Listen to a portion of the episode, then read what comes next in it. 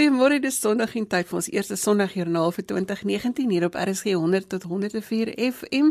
Ons program is propvol inspirasie, geloofsake en godsdienst tot en met die 8 uur nuus. Ek is Liselde Brein en saam met my in die ateljee is Robin van der Rede. Goeiemôre en voorspoedige wense vir 2019.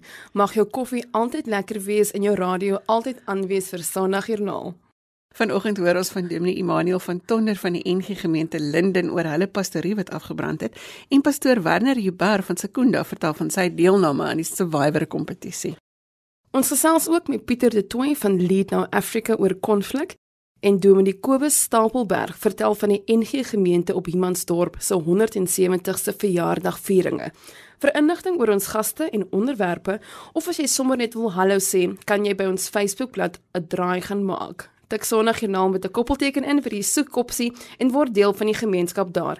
Die inligting is ook op RSG se webwerf by rsg.co.za.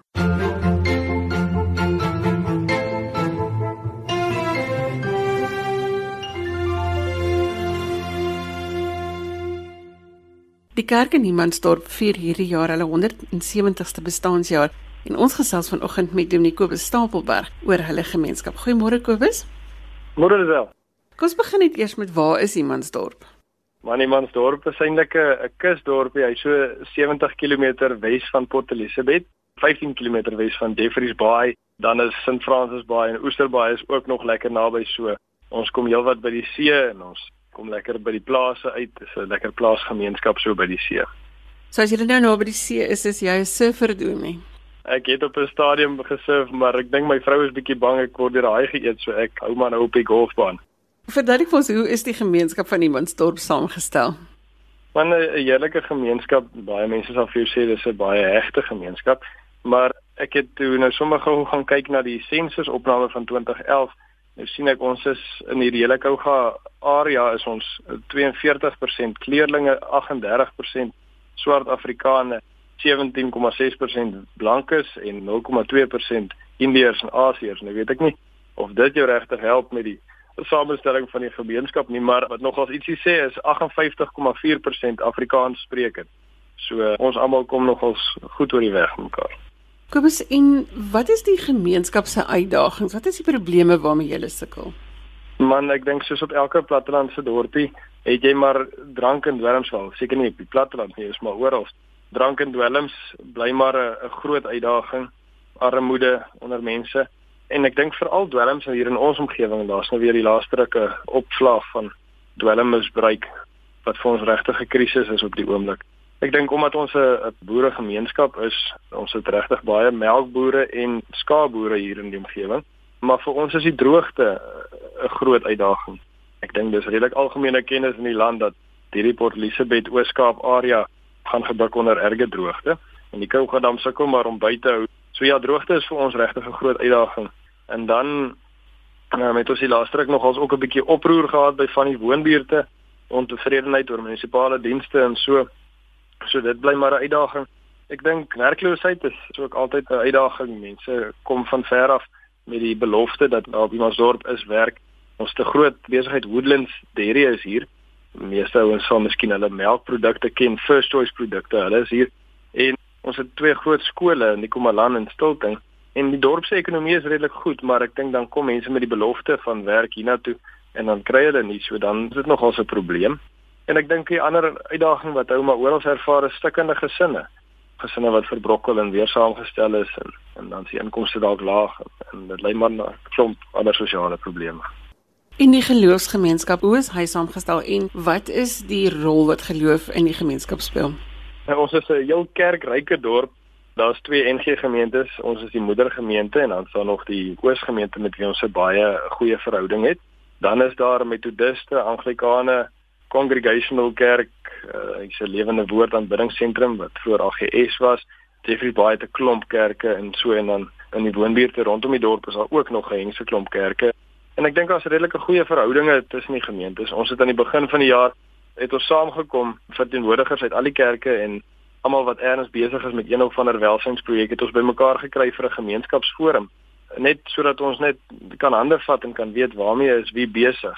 Ek, ek dink die geloofsgemeenskap het speel natuurlik 'n groot rol in die Monsdorp. As jy nou praat oor ons rol self as gemeente, ek dink waar daar 'n kerk is, waar daar 'n kerktoring is wat mense laat opkyk, is daar 'n stuk publieke gewete. Die kerk gaan altyd 'n morele kompas wees vir die samelewing en gaan altyd die gemeenskap herinner dat daar meer is, dat daar transcendente werklikheid is. En ek dink die toring as sulks of die gebrote gebou, die feit dat daar 'n kerk is, herinner mense dat daar 'n standaard is waarna ons verantwoordelik gehou kan word. Die geloofsgemeenskap gee vir mense 'n bepaalde etiek wat hulle in die werkplek gaan uitleef. Ons lê klem daarop dat mense op die regte manier met hulle werknemers moet omgaan en met hulle werkgewers moet omgaan. So dit kom in die werksplek, in die gesinne. Ons fokus kwai op gesinne en dat mense op die regte manier in hulle gesinne moet optree. Ons gemeente het ook 'n pastorale terapeut wat voltyds besig is om mense te sien van stukkende gesinne of gesinne wat uitdagings ervaar en dan gee sy pastorale terapie. Dan is daar natuurlik ook nog die omgee vroue van die gemeente en waar 'n klomp vroue bymekaar kom word daar goeders gedoen. So hulle ondersteun sopkombuise eh, waarvoor hulle gereeld uh, kos maak. En daar's by oomblik 'n breiprojek, die klomp tannies brei teddybere wat hulle vir getraumatiseerde kinders gee deur die polisie daar's maar altyd spesiale kollektes wat hou vir al die werksaamhede insamel. Ja, en dan is daar byvoorbeeld ook 'n vrou wat toebroodjies maak. Sy voel dis haar roeping om toebroodjies vir die laerskool te maak dat daar elke pouse vir die kinders wat nie toebroodjies het nie, daar ietsie is om te eet. So, daar's 'n hengse klomp projekte en nou kan nou maar uitbrei, maar dis wonderlik dat mense ook self verantwoordelikheid vat en ek dink dit is dis wat geloof doen is dit maak dat mense self verantwoordelikheid vat om self hoopdraers en ligdraers te wees in hulle omgewing wat met wat ook al hulle talente is. Kobus, julle vier binnekort julle 170ste bestaanjaar. Wat beplan julle vir die jaar? Man, ons is opgewonde. Dalk voordat ek nou verduidelik van die fees, kan ek net eers sê ons as bedieningsspan het so 'n bietjie gaan stil word by die Here en sy vader dat Lukas 15 regtig 'n geskenk is vir volgende jaar. Lukas 15 wat begin met die verlore skaap, dan die verlore muntstuk en dan uiteindelik die verlore seun. En elke keer wanneer dit wat soek is weer gevind word, dan is daar groot feesvieringe. En ons glo as ons nou volgende jaar gaan feesvier, dan is die rede vir ons fees is nie dat ons mooi geboue het of dat ons finansiëel sterk is of enige sulke tipe goed nie, maar dat ons feesvier omdat dit wat verlore is weer gevind is. So ons wil ons hele jaar tema maak rondom soek en vind wat verlore is en dan kan ons feesvier. Ons gaan sommer ons hele jaar 'n feesjaar maak of dit nou Paasfees is of Pinksterfees of Kersfees. Ons is maar mense wat lief is vir fees, maar ons wil regtig die hele jaar rondom die tema inrig. Ons vier fees oor dat hulle wat verlore is weer gevind word. Maar ons gaan die jaar afskop met 'n groot fees naweek. Die 9de Februarie is het ons 'n plaasfees waar Joe Black gaan optree en ook Appel. Beide kunstenaars het mooi stories, mooi verhale van hoop uit hulle eie lewens uit. Herman Kleinhans van die sanggroep 2 gaan kom optree En dan is daar sommer 'n hoop plaaslike talent wat ook gaan optree op die so daar gaan heeldag deur gaan daar verhoog wees, daar gaan 'n boere musiekorkes wees en die plaaslike skoolkore gaan sing. Ek is self baie opgewonde oor Humansdorp lied wat weer gesing gaan word. So die verhoog gaan lekker in die gang wees. Intussen is daar 'n klomp sommer bazaarstalletjies, daar gaan bazaarpudding wees en al daai tipe van goed, lekker spit. Daar gaan lekker geëet word. Ons het ook 'n wynproe stalletjie en craftbier is nou nog ons 'n groot ding hier in ons omgewing. So daar gaan weet nou nie wat is craftbier in Afrikaans nie, maar dit gaan ook daar wees. So ja, ons gaan lekker saam fees vier. Dis nou die eerste naweek, die 9de Februarie, maar die volgende naweek is dit dan bietjie meer 'n intieme gemeentefees waar ons in die oggend 'n fees erediens gaan hê en dan ook na die tyd 'n lekker gemeenteete met stories en so aan. So ek dink as daar enige ou Dimansdorpers is of ou gemeentelede dan moet hulle nou nie die geleentheid misloop nie en hulle moet regtig saam kom kuier op die naweek. 'n Storie van geloof en aksie so in ons reeks waar ons kyk na verskillende dorpe en hoe die geloofsgemeenskap in hierdie dorpe lyk. Kobus baie sterkte met die 170 jaar of die 170ste bestaanjaar wat voorlê. Ons hoop dit gaan vir julle 'n baie geseënde jaar wees. Dankie vir die samestelling. Baie dankie Lisel. Ek, ek glo daar sal nog 170 jaar van hoop wees. Mooi bly. Die stem daarvan Dominee Kobus Stapelberg. Konflik is die een ding wat aan mekaar verwoesting saai in gemeenskappe en ons gesels vanoggend met Pieter De Tooy van Lead Now Africa oor hoe ons die nuwe jaar beter konflikbestuur kan toepas. Goeiemôre Pieter. Hallo Lisel. Pieter, konflik is deel van ons bestaanswêreld. Waar begin ons om sin van konflik te maak? Ja, nee, absoluut. Ek dink konflik is vir ons van ons seminar wat ons aanbied, een van die mees bespreekte areas van ons net as mens wees. Jy weet, die oomblik as ons begin praat oor konflik, kan ons sommer gereeld in ouens se oë sommer sien, jy weet, mense raak sommer gespanne en hulle begin so 'n bietjie rond te skuif op op hulle stoele. Nou, wat vir ons verskriklik belangrik is, is dat konflik is soos asemhaling. As jy met, net om mens te wees, kan ons weet dat daar konflik gaan wees en ek dink dit begin maar uit die staansbereid dat nie een mens of nie een persoon is dieselfde nie. En wanneer ons in 'n omgewing kom of net in in 'n gewone dag net leef, is mense is verskillend en is alles perfek opgesit dat daar gaan konflik wees. So geen mens is dieselfde nie. En ek dink tweedens wat vir ons krities belangrik is, is om te weet dat almal assosieer konflik met iets negatiefs, maar konflik kan geweldig positief wees wanneer ons dit reg toepas. Ons gebruik gereeld 'n konflikgrafiek wat ons sê dat konflik is geweldig opbouend tot op 'n punt en dan ewe skielik raak dit negatief wanneer 'n persoon negatief geaffekteer raak. Maar dit is vir ons fascinerend en ek sê sommer altyd sy tong in die kies. Toe ek en my vrou begin uitgaan het en ons ons getroud is, het ek altyd gedink sy hou van konflik. Konflik is vir haar lekker. En uh ons het so lekker gelag altyd daaroor en ons lag nou ook baie lekker daaroor, maar konflik is vir haar ook nie aangenaam nie. Dit is vir haar onaangenaam maar sy kon baie goed met konflik deel. So sy het die positiewe ervaring gehad van konflik waar ek as as jong kind in my huis groot geraak het en in my omgewing het ek konflik as baie negatief ervaar. Maar vir ons is dit krities dat mense weet dat konflik soos asemhaling krities is vir ons as mense om vorentoe te beweeg. Nog 'n puntjie net soos dat ons intree in die gesprek rondom konflik is dat ons moet weet konflik daar's twee verskillende vlakke. Die een is om konflik te hê oor voorkeure Dis byvoorbeeld soos as ons nou praat in hierdie tyd waar moet die kersboom in die huis staan. So ons noem daai voorkeure, dis nie sulke kritiese vlak 'n uh, kritiese konflik nie, maar dit is vir ons belangrik net om ons voor dit 'n voorkeure te kan uitdruk teenoor ander mense. Konflik raak vir ons verskriklik belangrik wanneer ons begin praat oor wat ons oortuigings is, byvoorbeeld wat ons waardesisteem en ons waardestelsels is. En dan laastens wat vir ons krities is om te praat oor konflik is dat wanneer mense konflik ervaar, is dit vir ons krities dat ons dit nie te lank los nie. Hoe vinniger ons kan intree en uh met 'n persoon in gesprek kan tree wanneer ons konflik ervaar, hoe beter. Ehm um, daar's 'n ongelooflike sê ding wat sê dat emosies wat begrawe word, ehm um, gaan nooit dood nie. Dit kom altyd terug na jou toe. En dis ons siening in konflik dat hoe vinniger ons in gesprek kan tree, wanneer ons ongelukkig is oor iets of ons voel daar is konflik met 'n ander persoon, hoe beter ons net seker maak dat ons dit op die regte manier doen. Sjoe, jy sê 'n baie belangrike ding daar, emosies wat begrawe word, gaan nooit weg nie. So wat is die goed wat ons in gedagte moet hou wanneer ons in 'n konfliksituasie is? So as mens uit die gedagtegang kan intree met konflik om te sê konflik is daar om 'n ander persoon beter te verstaan. Want daar is drie vlakke of drie de, drie denkpatrone wat ons oor die algemeen sien wanneer mense in konflik is. Die eerste denkpatroon is noem ons die veg of vlug denkpatroon. So hierdie mense wanneer hulle in 'n konfliksituasie sit, veral mense wat negatiewe ervarings met konflik gehad het, is hulle voel in hierdie gesprek gaan ek of iets wen of ek gaan verloor.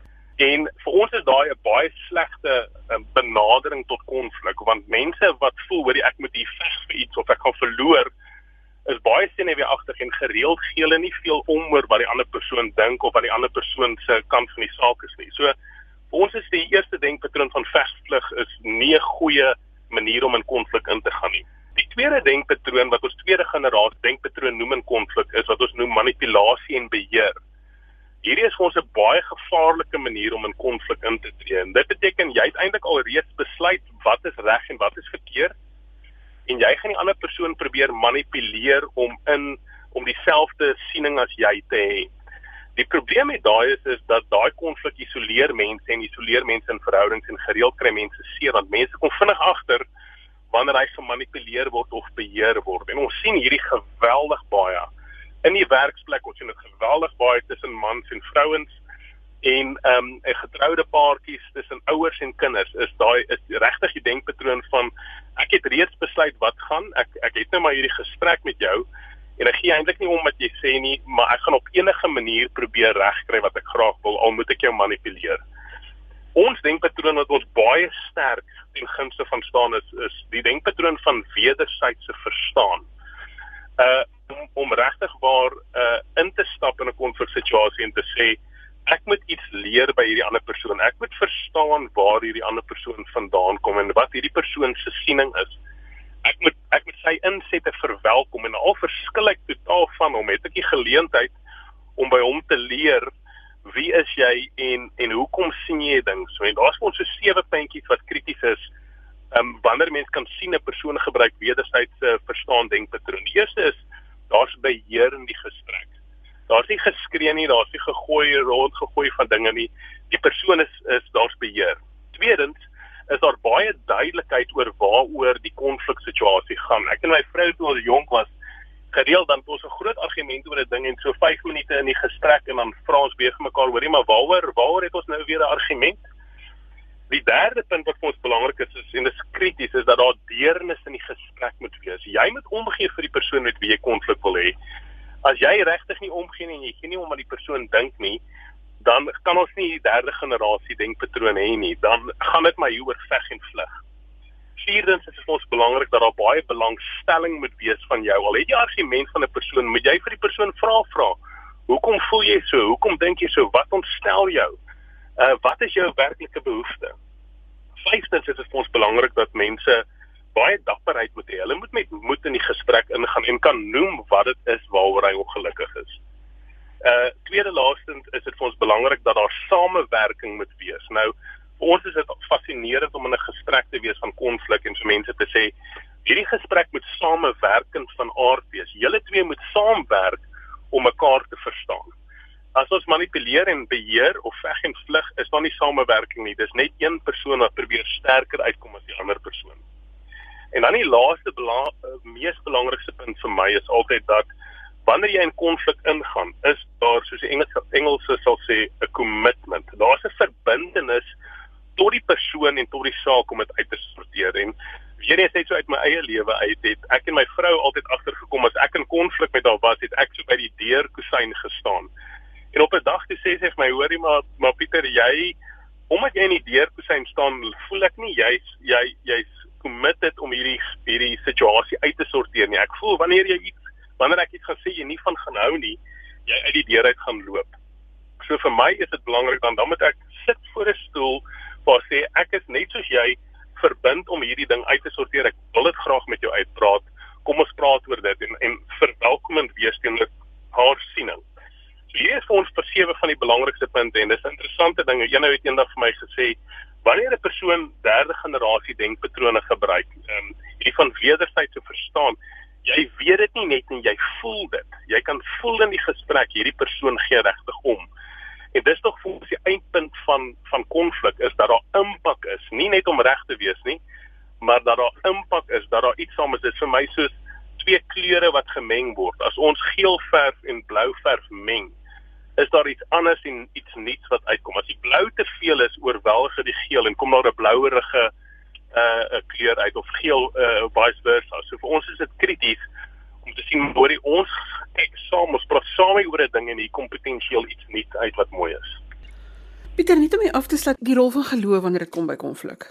Ja, jy weet, ek dink uh, as ons kyk as as kinders van die Here en as Christene, ek dink Jesus was konfronterend van aard en uh, baie keer wanneer Christene praat oor konflik en oor hoe moet ons as Christene wees met dit verwys hulle na Jesus toe wat die tafels omgegooi het by die uh um uh, by, by die kerk. Nou wat vir ons krities belangrik is is dat ons moet besef dat Jesus was sy 33 jaar konfronterend van aard gewees. So ons as Christene moet weet dat dit is ons is in dit for the long haul, soos Engels sal sê. Ons hardloop 'n maraton. Dit gaan nie net oor een gesprek hier en een gesprek daar nie. Ons moet weet dat net as ons 'n waardesisteem het en 'n waardestelsel het, net om in die wêreld te wees is konfronterend van aard. En baie keer is die belangrike konfliksituasies ehm um, waar jy regtig impak moet hê, kan oor 6, 7, 8 jaar plaasvind, nie net in een gesprek nie. So ek dink ons as kinders van die Here moet weet, ons gaan konflik hê. Ons moet die moed hê en die deursettingsvermoë hê om te sê dit wat belangrik is, dit wat ons oortuigings is, moet ons uitleef en baie konstant en met energie altyd altyd intree met dit en seker maak dat ons dat ons regtig opstaan vir wat dit is waarom ons glo. Pieter baie dankie dat jy ver oggend tyd geneem het om vir ons 'n bietjie te help dink oor konflik en dat jy vir ons help verstaan hoe ons dit moet hanteer. Dankie vir die saamgesels. Groot plesier, lekker om te gesels. Totsiens.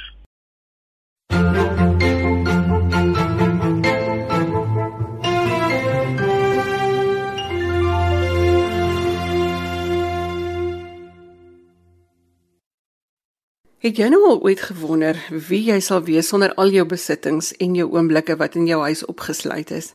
Dominee Immanuel van Tonder het, het juis so 'n oomblik beleef en ons gesels vanoggend met hom hieroor. Goeiemôre Immanuel. Goeiemôre Lisel. Julle pastorie in Linwood het in Oktober afgebrand. Wat het gebeur? Ja, dit was nogal 'n verrassing op 'n Woensdagmiddag 12:00 terwyl ek rustig sit en werk, ryk ek 'n vreemde rook ruik wat mens nou nie 'n veldbrand rook nie. En toe ek uitgaan buitekant te sien ek hier kom net rook uit my dak uit en uh dadelik geskree, "My vrou, die huis is aan die brand." En uh, sy antwoord toe dadelik net, "Gryp die albums, gryp die albums." En dit was binne 15 minute toe brand die hele dak. So ons kon darm so klein uh, rukkie 'n paar van die belangrikste dinge uit die huis uitkry, maar dit was sommer baie vinnig. Dis die hele huis in ligte laaie binne 'n uur het die hele huis, al die kamers aan die brand gewees. Wat gebeur in jou binneste as jy sien hoe jou huis in vlamme opgaan? Ja, weet jy die eerste ruk interessant, dan doen jy maar net wat gedoen moet word. Jy weet so as jy sien jy het 'n rukkie om darm 'n paar goed te gryp. En dis nogal iets wat mense 'n interessante vraag wat mense baie keer mos vir mense vra, wat sal jy gryp? Wat sal jy gryp? En in daai rukkie moes ons gryp wat vir ons belangrik was. En dis soos my vrou nou die albums gegryp het, ek het ons belangrike dokumente en my rekenaar, rugsteen en sulke goed gegryp. So in die eerste ruk is mens maar net uh, nie regtig spesifieke emosie nie, maar as jy dan nou buite staan en jy staan vir jou huis en kyk, dan is dit nou nogal 'n klompie emosies en gedagtes wat deur mens gaan. En ehm um, aan die een kant uh, is dit 'n groot impak, maar aan die ander kant was daar 'n vreemde vrede wat mens kry wanneer mens in 'n krisis is. Ek dink baie mense het al beleef man as jy in 'n ongeluk is of 'n groot ding gebeur, is asof ehm um, daar natuurlike vrede wat wat die Here vir mens gee in daai tyd. Ehm um, net oor mens vloei. Uh, dit was eintlik vir my interessant. Ons het skaars daar gestaan en die hele huis brand so. En my vrou sê vir my, "Wat 'n vryheid om nie verknog te wees aan jou goed nie." Het en en dit het geresoneer in ons drie wat daar staan. My seun was ook in die huis en uh om te besef dit is erg, maar aan die ander kant ehm um, ja, dis nie jy wat brand nie. Dis die huis wat brand. Dit is nie jou identiteit wat brand nie. Dis dis dis jou goed wat brand. Emmanuel, jy en jou vrou fokus ook op amper wil ek sê mindfulness, nê, op meditasie. Het dit julle enigstens gehelp in hierdie hele proses? Sjoe, dit was eintlik iets wat wonderlik was om dit in praktyk te kom beleef want die die hele ding van stil word en meditasie is dat jy sekere vaardighede inoefen elke dag elke dag en as die uitdaging kom is dit asof dit net natuurlik is. Ehm um, die die een grootste ding wat ons nogal veral inoefen met sekere meditasie is dat jy jou identiteit vind in God, weet in in jou dieper geborgenheid. En ehm um, dat dit wat met jou gebeur wel om jou en so aangebeur, maar dat jou identiteit word nie daardeur ehm um, geraak nie. Jou eerste inleiding wat jy gesê het, het jy ietsie gesê van dis amper ehm um, jou huis aan die brand raak en jou goed asof jou identiteit ook brand en dis eintlik die een ding wat 'n groot bevryding is om te besef maar ek is nie my goed nie jy weet eh, dit is soos baie mense in 'n motorongeluk beleef. Jy weet ek dink dit is ek wat ge, wat wat uh, nou hierdie ongeluk in my wese getref is. Maar eintlik is dit my motor nê. Nee. so daar daar is tog 'n verskil tussen mense diepste identiteit en my goed en dit wat ek het en die mense wat ek self om my het. Immanuel kan mens weer lewe of iets moois in die pyn van jou afgebrande huis sien? Ja, ek is selfs die volgende oggend het ek deur my huis gestap en ek het die mooiste kunswerke reg deur die huis gesien. Want as daar een ding is wat ek in my eie lewe en as predikant in ander mense se lewens gesien het, is dat soms in die verskriklikste, moeilikste ruïnes van mense se lewens kom daar lewe en skoonheid en verrassings as jy oop is daarvoor. As jou prentjie van God is dat hy nie net in die goeie dinge jou ontmoet nie, maar juist in die swaar. Ek dink dis eintlik die prentjie van die kruis, né? Nee, die kruis is God is juis nader aan jou in die swaar kry. So ek het daar deur die huis gestap en ek ek het die mooiste foto's geneem.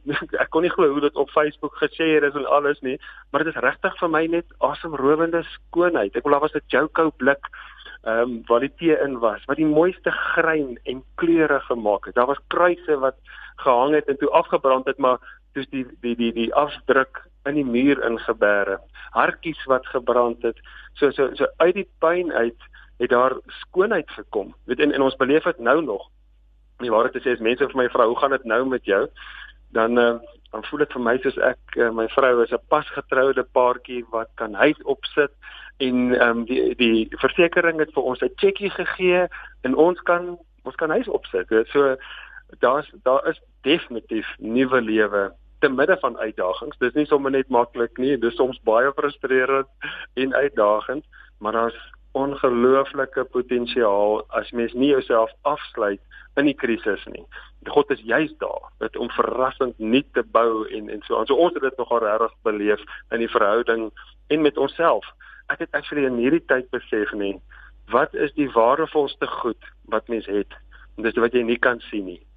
Dis ongelooflik om te besef al daai goed kan afbrand, maar dit wat binne in my is, nê, die gawes om dinge te kan aanvaar, om met hoop te leef, om 'n vrede te hê te midde daarvan, dis mos ver meer werd as enigiets van daai besittings en dis tot almal se beskikking. Elkeen van die luisteraars as hulle dit ook. Dit is in ons, maar ons koppe maak dit so dat maak dit 'n 'n groot drogbeelde van oh, sê nou net dit gebeur of sê nou dat gebeur of sê nou ek kry kanker of sê nou dit maar jy kry die innerlike gawes om te kan hanteer wat nou van jou gevra word. Dalk nie wat môre, oormôre en die dag daarna en volgende week en volgende jaar nie, maar dis presies wat Jesus mos nou sê in Matteus.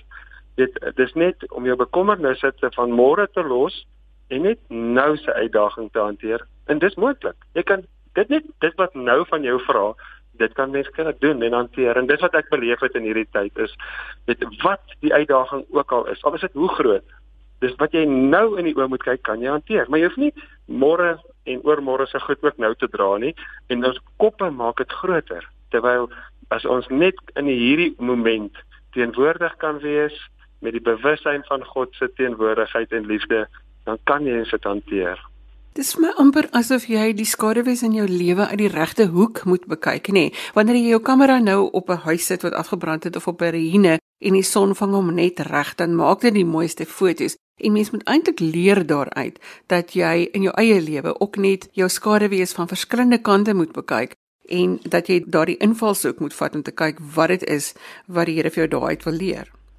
Ek dink so, ek dink die een groot uitnodiging vir ons is om nie altyd net in die fisiese werklikheid vas te kyk nie. Dit is 'n werklikheid en mens moet dit nie miskyk nie. Die huis brand, ja, maar kyk ook na die onsigbare gawes wat te gelyk daarteenwoordig is. En dit dit as jy eers daarna kyk, dan is dit veel meer. Dit is oorvloedig. Dis wat uh, Romeine 8 sê dat ons meer as oorwinnaars kan wees te midde van al hierdie dinge. Dis mos nou lyding en vervolging en naaktheid, gevaar, swaard, noem dit net. Dit is verskriklike erge goed. Maar ons is meer as oorwinnaars in hierdie dinge deur hom wat vir ons liefhet En hy sê 'n bietjie hoor op in daai selfde deel dat ons ontvang al die gawes uit die hemel wat Jesus vir ons ehm um, verdien het, nie? So so so jy sê nou reg, dit gaan oor kyk. sien ek net my liggaam wat nou siek was of oud word of my verhouding wat gebreek het, my man is nie meer daar nie of wat oorlede is, maar maar kan ek verder kyk en sien maar daar's 'n onsigbare werklikheid man. In die onsigbare werklikheid is oorvloed. Jesus het gesê ek het gekom om vir julle oorvloed te bring en dit is werklik daar en ek sê dit nie net in my eie lewe nie. Ek ek het die afgelope 5 dae 4 begrafnisse gehad. Ek sien dit in elkeen van hierdie mense se lewens as hulle oopmaak vir die oorvloed te midde van 'n kus wat voor hulle is, te midde van ongelooflike onsekerheid en kinders wat hulle pa moes verloor. As hulle oë op die onsigbare is, dan is dit asof dit net 'n totale ander lewe veroorsaak. Wat jy sien is wat jy kry. As jy net kyk en jy sien net die vlamme, gaan jy dit kry. Maar as jy oë kan oopmaak en jy kan sien, wow, met geloofsoë het God alles vir my gegee en almal het dit reeds gekry.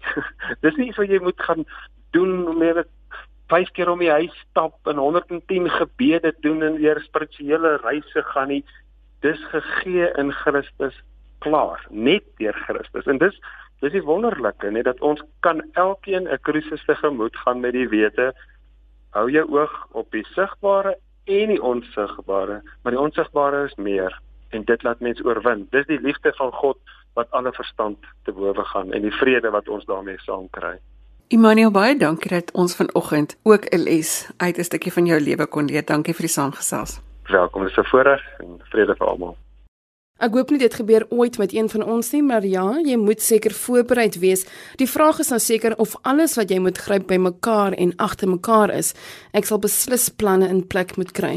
Maar vir nou as jy ingeskakel op Sondagjoernaal en ons gesels met mense oor hulle belewenis van godsdiens en geloof.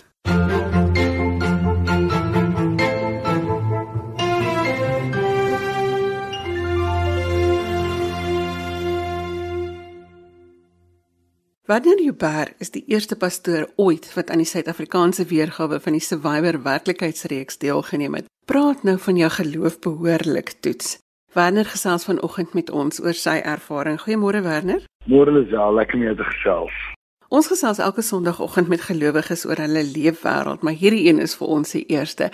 Wat het jou laat besluit om vir die kompetisie in te skryf? Lisel vir my my uitkyk na die wêreld as 'n Christen breek soms so klein bietjie. My eie boks maar ook die boksies van ouens op buite want ek, ek ek weet nie ek voel net soms uh, jy weet dis ek sou afgeroep om net die tipiese kerk en pastoor boksie bietjie te breek jy weet ek 2013 by sekonde aankom dis sluit ek by rugby klub aan te sê hulle 'n pastoor wat rugby speel jy weet dieselfde dieselfde tipe vrae wat jy my nou vra en ek kom agter 'n patroon oor my lewe waar dit vir my vreeslik lekker is om net vir mense te gaan wys en so 'n bietjie rondom die persepsies te breek van van van kerk en pastore en Jesus, jy weet en en die feit dat ehm um, jy weet God ons eintlik roep om om in te plug by die wêreld rondom ons en nie onsself af te sonder in een een kant uh, te gaan sit, jy weet en uh en so op die idee te gee maar ons is op 'n ander plek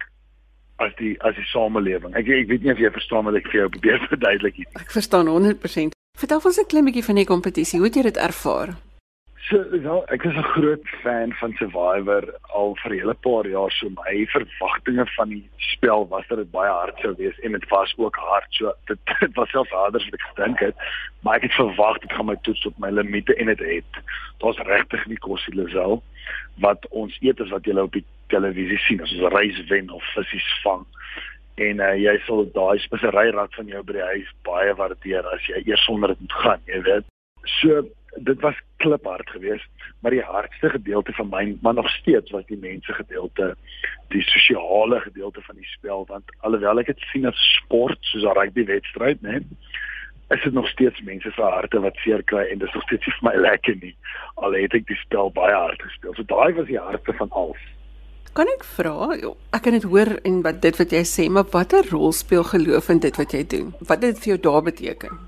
So, dis my dis dis my 'n baie vraag so, so my geloof in Jesus is vir my alles. Jy weet my werk is nie 'n werk om uh, te doen om 'n inkomste te verdien. Ek het geswat om 'n biokinetikus te wees en ek het my eie praktyk gehad daar in die Boland.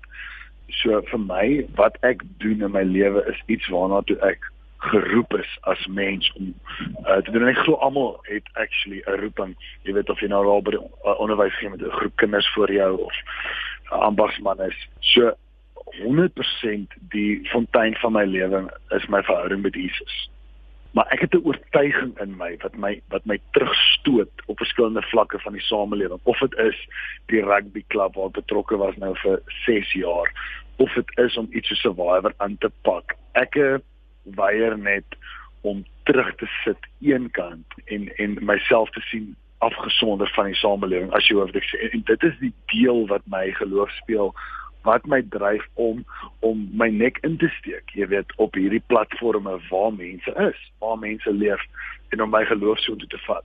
En ek weet daar's risiko's dis al ek besef dit maar eerder jy weet ons sê nothing ventured nothing gained jy weet. Eerder jy gaan na buite jy gaan leer jy jy gaan daar buite met jou geloof en jou verhouding met die Here en jy maak foute as wat jy niks doen nie. So dis 100% hoe ek na dit kyk. Sou ek kon sê dis ook jou lewensfilosofie?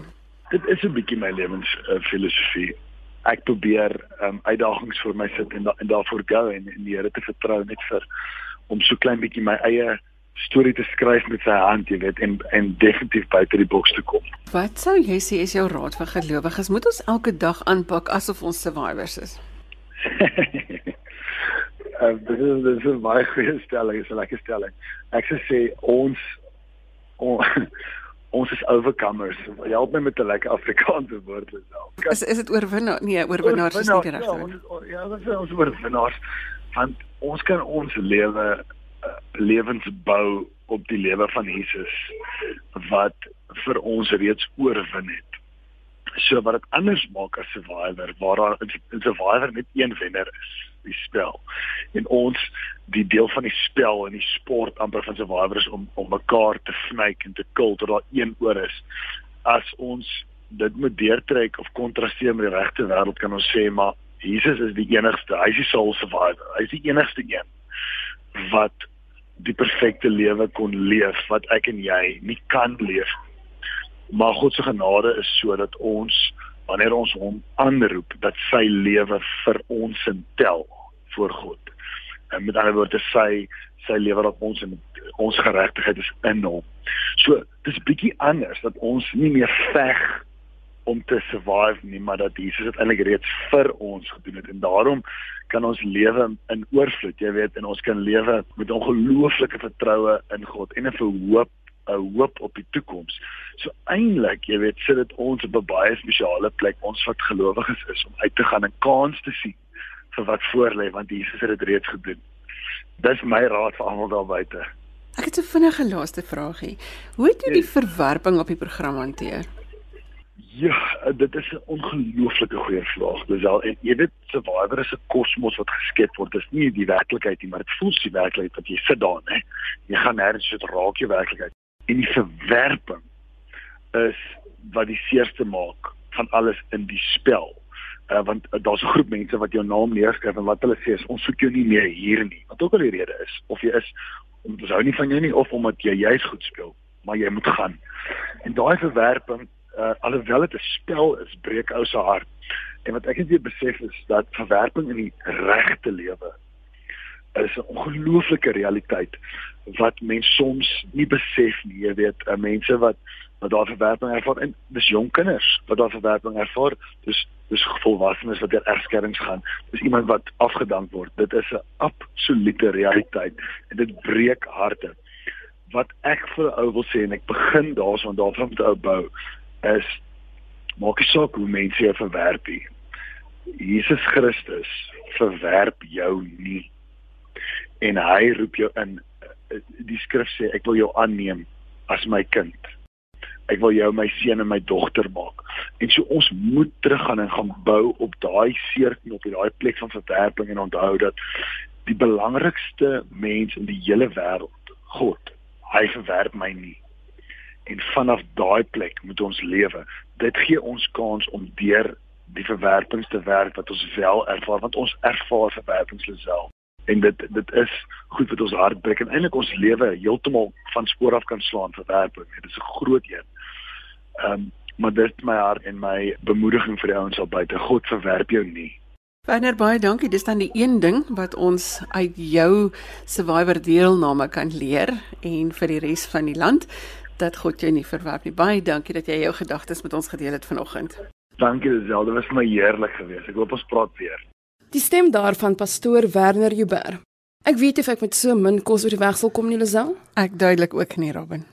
Volgende Sondag is ons weer hier op dieselfde tyd met nuwe stories uit die wêreld van geloof en godsdiens. Stuur gerus vir Lisel 'n e-pos as jy jou storie met ons wil deel. Haar e-posadres is lisel@wwmedia.co.za. Dis Lisel L E Z E L L E by wwmedia.co.za. Ons gaste vanoggend was Dominee Emmanuel van Tonder van die NG Linden, pastoor Werner Joubert van Sekunda, Pieter de Tooy van Lead Now Africa en Dominee Kobus Stabelberg van Humansdorp. Ek groet ook namens produkseur Neil Roo agter die kontroles. Dankie dat jy ingeskakel was en ons hoop jy het 'n goeie dag. Totsiens.